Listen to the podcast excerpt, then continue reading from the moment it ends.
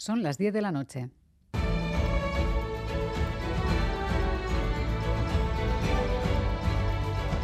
Radio Euskadi y Radio Vitoria. Servicios informativos. Repasamos los titulares de la jornada con Amaya Zabala, Gabón. Gabón Miriam, noticias de hoy miércoles 29 de marzo. Comenzamos mirando a Madrid. La gestación subrogada vuelve a revelarse como un debate político. El caso Ana Obregón ha abierto el debate sobre la gestación subrogada. En el Estado no está permitida, pero en la práctica la prohibición se queda en nada porque está permitido el registro del bebé como hijo, por lo que hay tres posibilidades. Impedir la gestación en terceros países, regular el vacío legal que existe ahora o dejar las cosas como están. Escuchamos a las ministras Irene Montero y María Jesús Montero. La nueva ley lo reconoce como una forma de violencia contra las mujeres y les pido por favor que no se olviden de las mujeres que están detrás. Hay un sesgo de discriminación por pobreza, claro. Creemos que es una forma más de explotación del cuerpo de la mujer y por tanto no estamos de acuerdo. Y el debate también ha llegado a la sociedad. A las familias afectadas les parece bien que se hable del tema, pero dicen que llevan bastante tiempo sufriendo acoso. Cristina Carmona, de la Asociación Vizcaína de Familias por Gestación Subrogada. Nos parece muy bien que, que existan estos debates desde, desde la tranquilidad, pero nuestras familias están recibiendo un,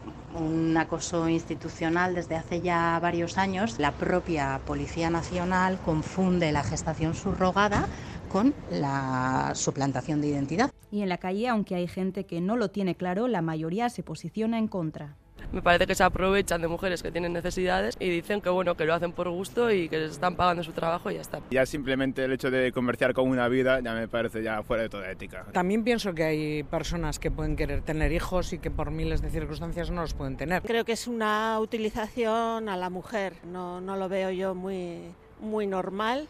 BBK garantiza el arraigo de Cuchabán con un volumen de fondo de reserva que supera los 231 millones de euros. La Fundación BBK ha constituido el volumen objetivo mínimo de fondo de reserva exigido por ley para poder mantener su posición de control en Cuchabán, con un 57% del accion accionariado. Xavier Sagredo, presidente de BBK. Lo que sobre todo importa es la robustez, completa seguridad y completa confortabilidad en que tenemos el mejor banco que hay sin duda alguna en el Estado español.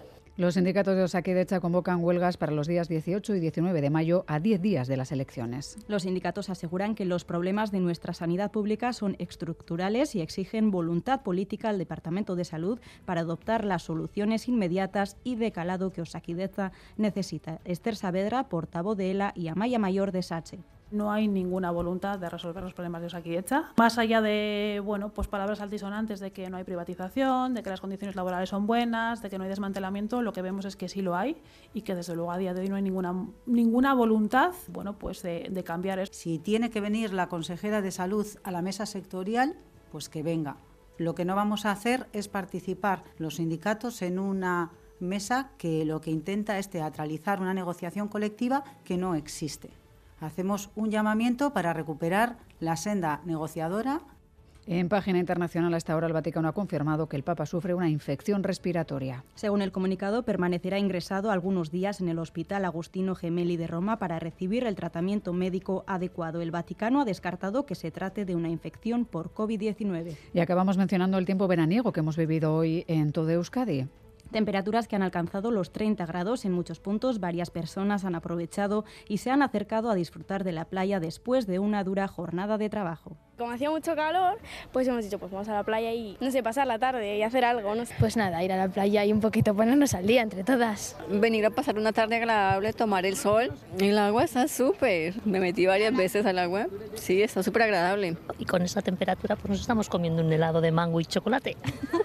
y planazo, ¿no? Pues sí, un planazo. Pero el calor y el viento también han mostrado su otra cara. Sí, con un incendio en el monte de Galdames que se ha ido complicando durante la tarde, aunque no ha pasado de focos de baja, baja, intensidad. A la zona han acudido varias dotaciones de bomberos. En el fuego han trabajado el Parque de Bomberos de Zaya al completo y efectivos de los parques de Urioste, Basauri, Derio y Artaza. Eso sí, desde la Diputación de Vizcaya han puntualizado que se han movido tantos efectivos porque querían dejar la situación controlada antes de la noche. Ahora el fuego está extinguido y se harán labores de vigilancia. Así terminamos. Más noticias en una hora y en todo momento en itv.eus y en la aplicación ITV Albisteac. Gero.